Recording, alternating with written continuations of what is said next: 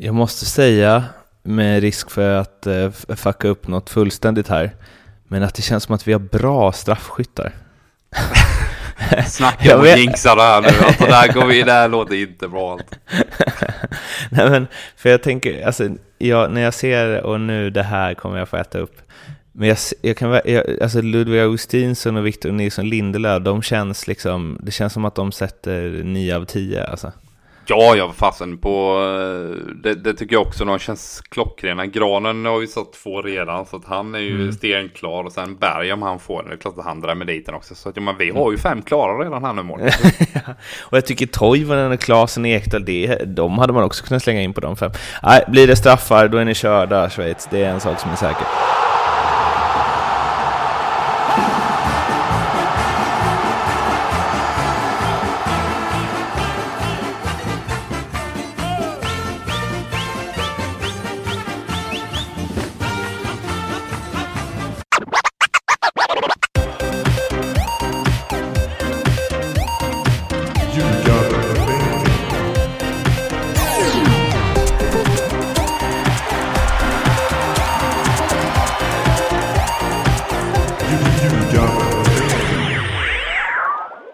Ljugarbänkens VM-podcast är här, Mårten Bergman speaking.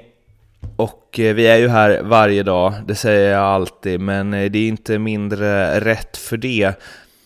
Och idag är ju inte vilken dag som helst. Idag spelar Sverige åttondel mot Schweiz och nerverna är hur då, Erik Edman? Ja men det är fasen lite pirrigt ändå liksom. Det är redan tidigt på morgonen och man känner att det är någonting på gång. Det här är en speciell dag och eh, en speciell dag för hela Sverige som, som laddar för den här matchen och ser fram emot eh, att kunna slå ut Schweiz också. Jag tror det finns möjligheter, stora möjligheter. När du spelade och stod inför en åttondel i ett VM, hur, hur mår du då?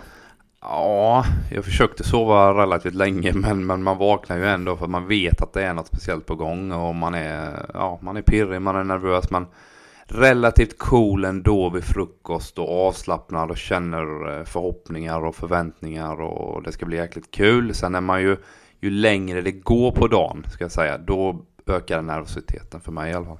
Var du, eh, alltså hur, när du liksom står inför matchen så, hur nervös var du? Eh, framförallt är det precis innan man går ut tycker jag, när man står i spelargången som, som man känner att nu jädrar liksom eh, blir det åka av och då, då finns det nervositet och en spänning. Sen, sen tycker jag ändå att när man väl kommer ut och det är lite nationalsånger och, och man kör, då är man inne i den här bubblan och då släpper det där lite granna och definitivt efter en fem minuter eller ett par minuter in i matchen så, så är man inne i, i, i själva fokuset kring det och då, då finns inte den här nervositeten. Men, men, men innan är ju, är ju, ja, beroende på hur man mår så, så kan det vara jobbigt också. Men eh, förhoppningsvis har alla svenska spelarna med, den här, eh, med det här gruppspelet en skön känsla och man går in med sköna förväntningar. För att det där måste, alltså just det, press och så inför eh, avgörande matcher, alltså man har ju sett, eh, det är lätt att avfärda det som något annat eller så, men jag kommer typ ihåg när, eh, ja, man har ingen aning om vad det berodde på, men liksom när Zidane kräktes innan någon eh, frispark mot England, eh, om det var 06. Ehm, och liksom så här hela tiden eh, här, han måste göra mål där för att de ska gå vidare och det är sista minuten och bla bla bla. Eh, och liksom, då finns det ju en trötthet som läggs på förstås också. Men ibland så är det som att eh Ja, jag tänker att det är vissa där ute som är svinnervösa.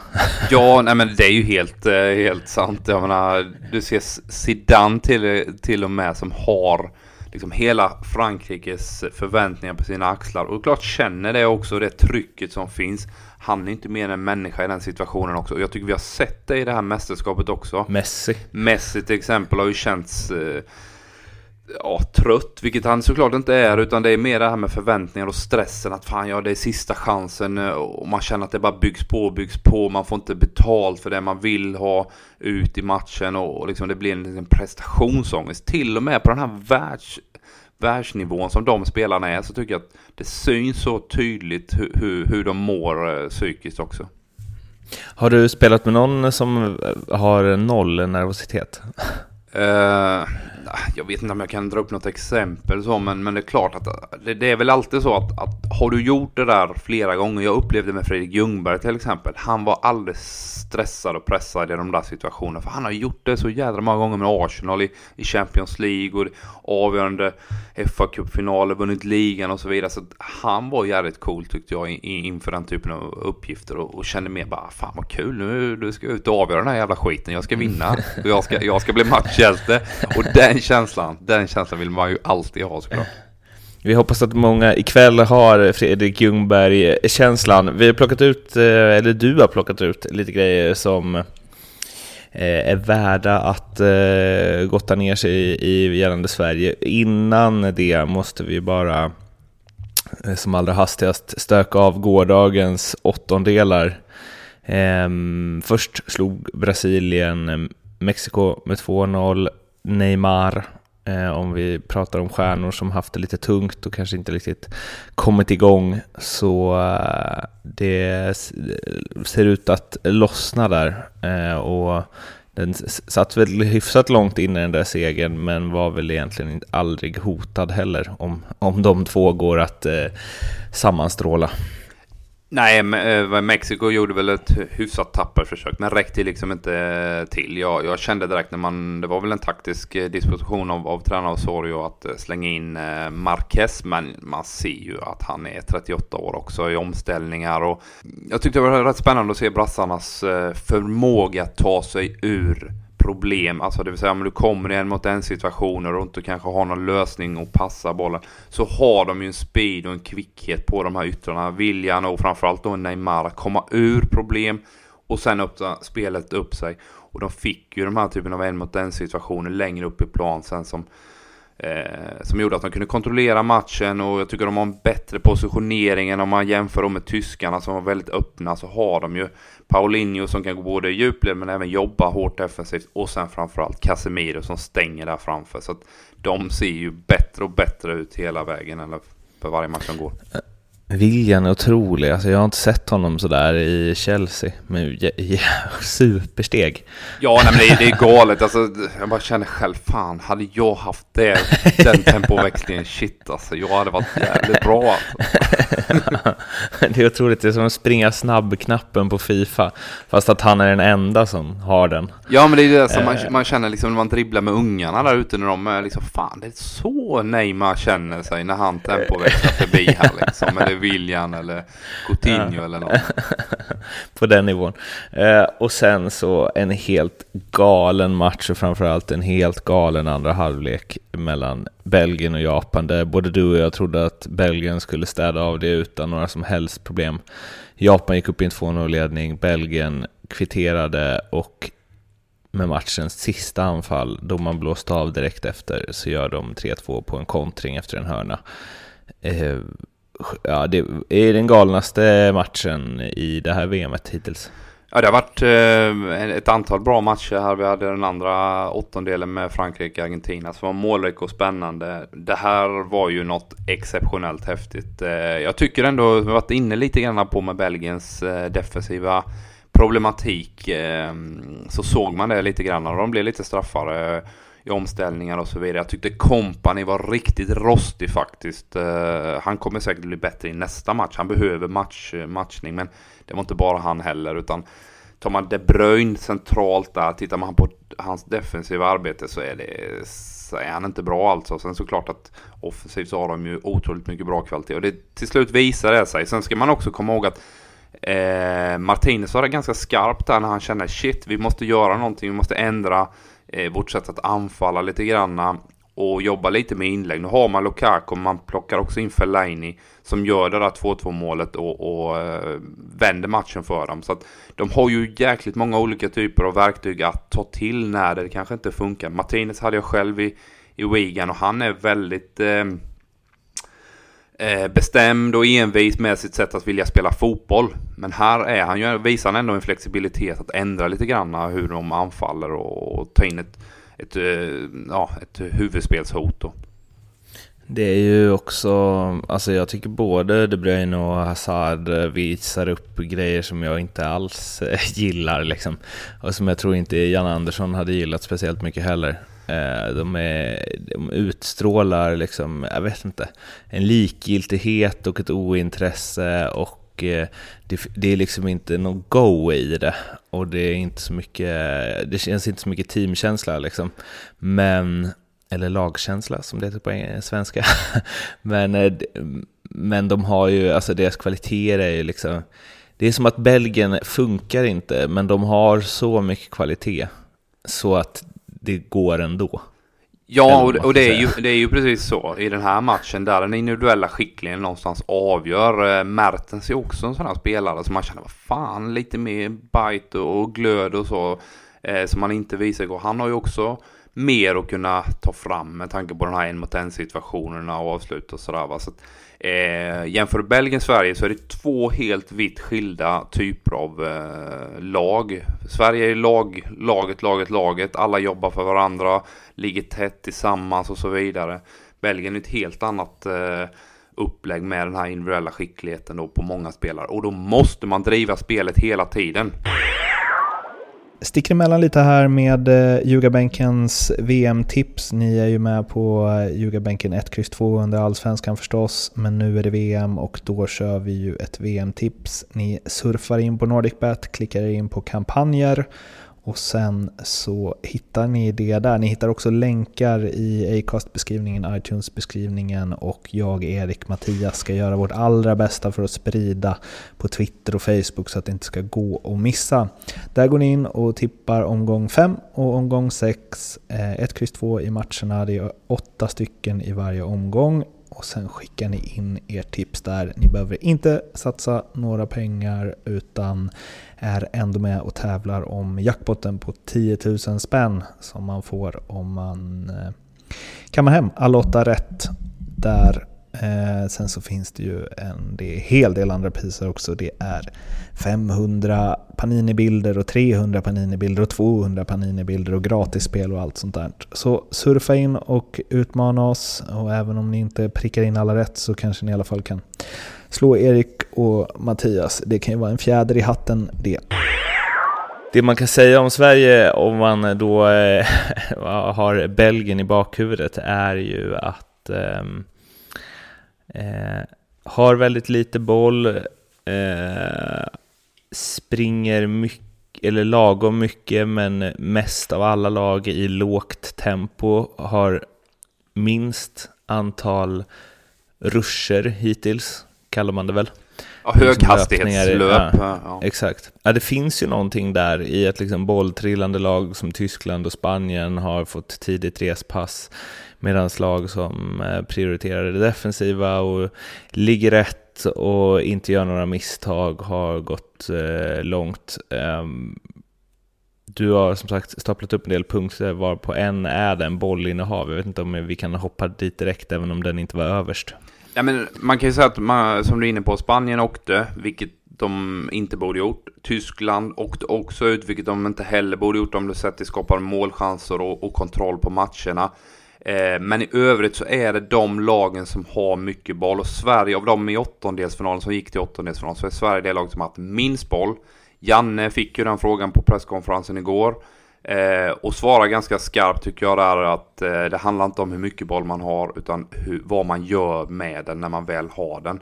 Och där har Sverige varit eh, väldigt bra, framförallt i omställningsspel kanske. Eh, skapat målchanser på olika sätt. Men jag tror ändå att det är en framgångsfaktor att vi eh, får tag i bollen lite oftare. Vi kan inte ligga i den här skyttegravarna, parkera bussen. Vi måste ha perioder i alla fall med mer bollinnehav. Eh, för att få motståndarna att jobba lite grann och ta udden av deras anfallsspel sen när de då vinner bollen. Jag hade en väldigt intressant diskussion med en, eh, en kompis igår som menar på att eh, som Argentina till exempel, där har du ju så pass många spelare som, är, som vill spela en viss typ av fotboll. Eh, men liksom Messi, Dybala, Higuain, Agüero, Di Maria och så vidare. Vilket gör att du som coach i Argentina kan aldrig gå in och säga att nej, vi ska låta de andra ha bollen. eller vad det nu är. Liksom. Vi ska inte... Ja, men så här, de skulle aldrig kunna spela som Sverige gör, även om det visar sig framgångsrikt. Och där finns det något också, det är ett starkt argument för den som eh, vill driva att Sverige är bättre utan Zlatan. För att Sverige har ju inte tillräckligt bra spelare för att spela en viss typ av fotboll, det vill säga den typen av fotboll som Zlatan alltid spelat i klubblag och som Zlatan behärskar att spela. Så när han var med så var det så här, nej, vi ska faktiskt använda en av världens bästa spelare. Och då kan vi inte spela på eh, det sättet som passar övriga. Vilket ju liksom höjde svårighetsgraden på hela Sveriges spelsätt. Och någonstans blir det ju så här, det är svårare att spela bra och göra det Argentina gör än att spela bra och göra det Sverige gör. Eller? Ja, nej men definitivt. Och det handlar ju om självbild också. Att Janne har ju ändå fått alla spelarna att fatta hur fan ska vi lyckas här? Hur ska vi kunna mm. gå långt i VM? Och då handlar det om de här klassiska bitarna som försvarsspel och så vidare. Sen om du tar Argentina som exempel och, och de har en självbild att de vill driva och, och, styra spelet. Men de har ju varit bedrövliga på att göra det på rätt sätt. De har rullat runt den i som ett U. Man pratar om U-shape liksom i, i, lite som att du rullar i handboll framför ett försvar utan att komma emellan linjer. Eh, och det gör ju att de åker ut till slut. Faktiskt också Spanien nu mot eh, ryssarna var ju lite likadant. Man, man liksom penetrerar är inget bra ord eh, egentligen, jag vet. Men, men alltså att man kommer mellan linjer hårdare och oftare och vågar få, liksom, trycka bollar i djupled eh, betydligt högre utsträckning. Eh, och det har inte Argentina gjort någon gång i någon match. De har ju varit fruktansvärt jävla dåliga i, i sitt anfallsspel också då, trots alla de här offensiva pjäserna av hög nivå. Men, men återigen, så det är ju så, det är väl därför vi gillar offensiva spelare mer än defensiva, att det är, det är lättare att försvara och ligga rätt och inte ha boll än vad det är att luckra upp försvar. Ja, definitivt. Och, och framförallt skulle jag säga på landslagsnivå när man kommer in, man Exakt. träffas inte så, så, så, väldigt ofta och då får du inte den här samspeltheten. Och den, de bitarna eh, tar ju mycket längre tid i ett offensivt spel än kontra ett defensivt spel. Så, så Janne har ju verkligen fattat hur maximerar vi våra möjligheter. Mm. Eh, och där måste jag bara, för det där är så jävla intressant eh, och det här är åter en sån här Ronaldo i Falkenberg-diskussion. Men eh, alltså det känns, alla lag som var i kvartsfinal i Champions League hade ju vunnit VM. Ja, definitivt, för de spelar ihop varje mm. dag, varje träning, varje match i ligan och så vidare. Så det finns ju en helt annan liksom, connection mellan spelarna där. När du kommer till landslagsfotboll så, så, så, och det är det jag menar med att har du ett landslags eh, eh, ett landslag med de här klubbblocken så har du ofta en stor fördel. Nu åkte Spanien till exempel. Va? Brassarna har inte heller det. Frankrike har imponerat nu de sista matcherna. De har inte heller det. Så att, eh, generellt sett ser du de lagen som vinner VM. De har ofta många spelare i samma klubblag också för de känner varandra. Och, och det brukar ofta ge utslag längre ut. Det var en av punkterna, bollinnehav. Eh, hur man, vi ska skapa målchanser är en annan. Ja, och där tycker jag Sverige har varit eh, väldigt, väldigt bra. Eh, man har skapat målchanser på flera olika sätt, så det är inte så jädra enkelt att läsa av oss. För kommer schweizarnas coach här nu då, Eh, Petkovic har ju såklart sett dem tillsammans med scouterna och sånt. Men vi skapar målchanser på flera olika sätt. Vi har omställningsspelet. Eh, får vi väl lite possession högre upp så, så kan vi liksom skapa inläggslägen och få väldigt mycket folk in i boxen där i den här golden zone som vi tjatar om väldigt mycket. Eh, och sen har du då fasta situationer där vi är jädrigt skarpa tycker jag. V vad blir viktigt mot eh, Schweiz där då? Eftersom, alltså jag menar, de är ju någonstans, eh, men jag har varit inne på det förut, att de är lite som Sverige. eh, väldigt stabila liksom. Ja, definitivt. Det har de ju visat över lång tid också. Så det här är liksom ingen tur eller liksom chans att de eh, går vidare. Utan de är i mästerskap ofta, eh, presterar konstant på en hög nivå. Eh, deras centrala mittfält är väldigt bollstarkt, kan pulsera matchen, ställa om snabbt när det behövs och det finns läge och sen också hålla i den. Eh, så det måste vi eh, få kontroll på. Vi, vi pratar om att vi alltid stänger centrala inspel, det kommer vi behöva göra idag också. Och sen har de också ett kontringsspel, ett omställningsspel, till exempel när Jan Sommer som är väldigt modig, duktig med bollen med fötterna och även sätta igång snabbt. Va? Och så har vi Shakir då som ligger på rulle. Eh, Seferovic då, den här Benfica-anfallaren. Inte superskarp tycker jag inte han är, men han hotar i djupled och, och trycker, eh, trycker ner en backlinje för att skapa plats till de andra. Men av alla de sätten vi är bra på att skapa målchanser på, vilket sätt kommer vi använda mest mot Schweiz tror du? Ja, men jag tänker i, en eh, slutspelsmatch här nu, åttondel, så klart att eh, ja, det blir tjatigt, men det har ju varit en stor fokus och det har varit väldigt mycket mål på fasta situationer. Eh, det blir avbrott ofta, så det gäller ju att lägga ännu mer vikt för dem. Jag tror säkert inför nu de här träningarna man har jobbat, har man också tryckt på kanske en eller två eh, nya varianter, till exempel på hörna eller frispark ytterzon, som jag tycker ändå att det finns stora möjligheter för det här. Nu har de Kär borta, de har Lichsteiner borta på, på högerbacken.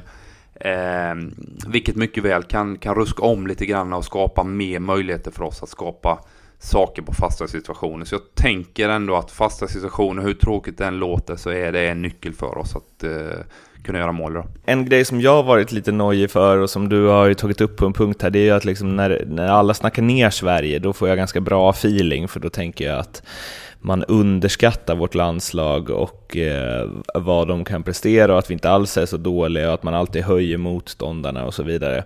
Här känner jag ju lite tvärtom, att alla tänker att ah, det här ska vi greja utan problem och tur att vi kom på den här sidan av slutspelsträdet och hej och hå. Eh, och överallt så fortsätter det. Ryssland slår ut Spanien, Japan pressar Belgien och så vidare och så vidare. Men i det här fallet så känns det ju inte ens som att Ja men det känns som att vi är mer favoriter nu än mot Sydkorea nästan, eh, på folket. Och det här är ett lag som var de torskat en av de senaste 25, för visserligen en väldigt lätt kvalgrupp och så vidare.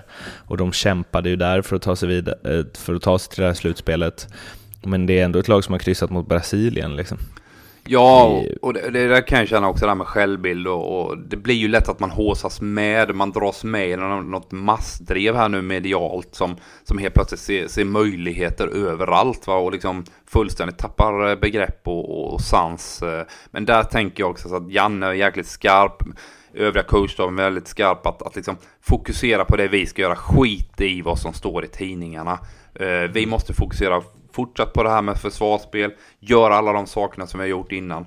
Eh, Schweiz är fortfarande knapp favorit i den här matchen.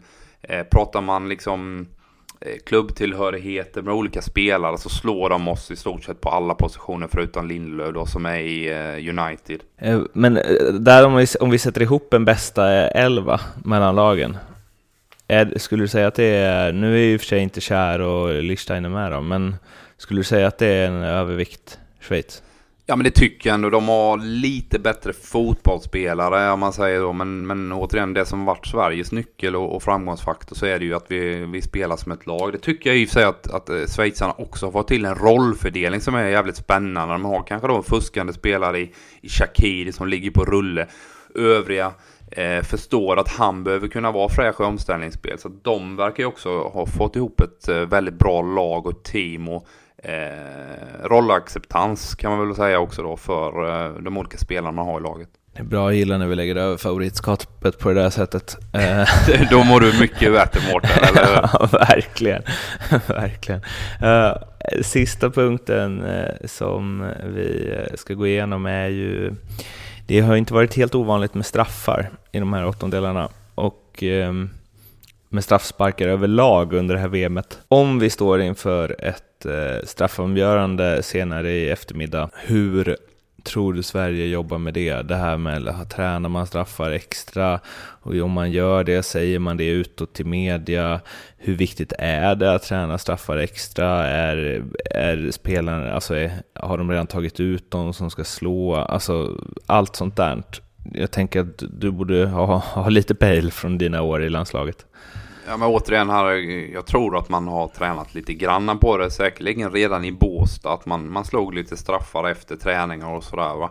Eh, och jag tänker att, eller jag är helt säker på att Janne redan eh, har bestämt sig vilka han vill ska slå straffarna. Har gjort en lång lista, inte de fem som ska slå utan en lista säkert på 8-9 spelare med tanke på att man har fyra byten också. Eh, man lägger till ett byte där på, på extra tiden och jag tror han definitivt har alla klara som han vill ska slå och har också pratat med de spelarna som, som är högst upp på den här listan som, som kommer komma i det läget.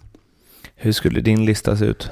Ja, men då har jag graderat den utifrån eh, vilka jag tror är bäst på att slå straffarna. Eh, mm. Sen handlar det också om en turordning. Vill man att Granen ska slå första straffen eller vill man att han ska slå den sista när man har ännu mer press på sig? Eh, den är ju lite lurig att veta. Kanske man bara behöver slå fyra straffar. Då vill man ändå kanske att Granen ska slå den fjärde och så vidare. Så jag har gjort en, en lista, rangordning utifrån vilka jag tycker är de bästa straffskyttarna som jag tror då. Och då är Granen etta. Marcus Berg tvåa. Sen kan det ju vara att Marcus Berg är utbytt givetvis. Va? Och då får man ju plocka ner, plocka bort honom. Eh, Emil Forsberg ska slå en straff. Viktor eh, Nilsson Lindelöf slog straff i U21-VM och gjorde det kallt och bra. Augustinsson tycker jag också känns som en väldigt trygg straffskytt och, och slog också i den här finalen i eh, U21-EM. Eh, Albin Ekdal om han är kvar på planen, vilket är tveksamt om eh, vi spelar 90 plus 30, 120 eh, minuter så är det väl tveksamt om han är kvar. Toivonen har jag också som sjua, Claesson åtta. Eh, och sen är det väl om Isak Kiese eller någon kan slå den nionde om det, om det behövs och gå så långt på den listan. Jag måste säga, med risk för att eh, fucka upp något fullständigt här, men att det känns som att vi har bra straffskyttar. Snacka om att jinxa det här nu. Alltså, där går vi, det här låter inte bra allt. Nej men, för jag tänker, alltså, jag, när jag ser, och nu det här kommer jag få äta upp. Men jag, jag kan, jag, alltså Ludvig Augustinsson och Victor Nilsson Lindelöf, de känns liksom, det känns som att de sätter 9 av 10 alltså. Ja, ja, fasen på... Eh, det, det, tycker jag också. De känns klockrena. Granen har vi satt två redan. Så att han är ju mm. stenklar. Och sen Berg om han får den. Det är klart att han drar med dit den också. Så att ja, men vi har ju fem klara redan här nu mål. och jag tycker Toivonen och Klasen Ekdal, det, de hade man också kunnat slänga in på de fem. Nej, blir det straffar, då är ni körda Schweiz. Det är en sak som är säker. Och Robin Olsen i mål, alltså. Han kommer ju... Ja, det här är lugnt.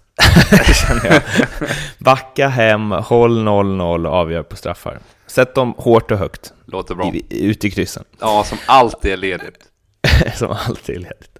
Ja, eh, fan, det, nu är det inte långt kvar. Eh, och eh, jag, vet inte vad, jag vet inte vad jag går in med för känsla i det här alltså jag, jag har ingen bra feeling. Du har en jag, god känsla, vilket du då känner är jävligt negativt, eller hur? nej, nej, nej, jag har nog, jag har nog, alla andra har en för god feeling. Därför känner jag att det här kan bli jobbigt. Ja, men det men, kommer äh, bli jobbigt, det vet vi. Det kommer bli jobbigt, men det har ju de andra matcherna också varit. Så att, mm. eh, nej, det här känns jättebra. Ja, du är pepp, gött. Ja, ja, eh, vill ni eh, vill ni ha sällskap i nervositeten fram till avspark så finns vi på Instagram, Twitter, Facebook eh, och på Facebook hittar ni också en införvideo där Erik eh, ritar eh, eller drar lite i magneter på en tavla för att visa vad vi ska göra och inte göra för att slå Schweiz. Vi hörs igen efter matchen och sen så, ja, heja Sverige helt enkelt. Ja, go Sweden! Go Sweden! Ha det bra tills... Eh, heja på så hörs vi sen förhoppningsvis med en säkrad kvartsfinalplats i bagaget. Ha det fint, hej! Hej då!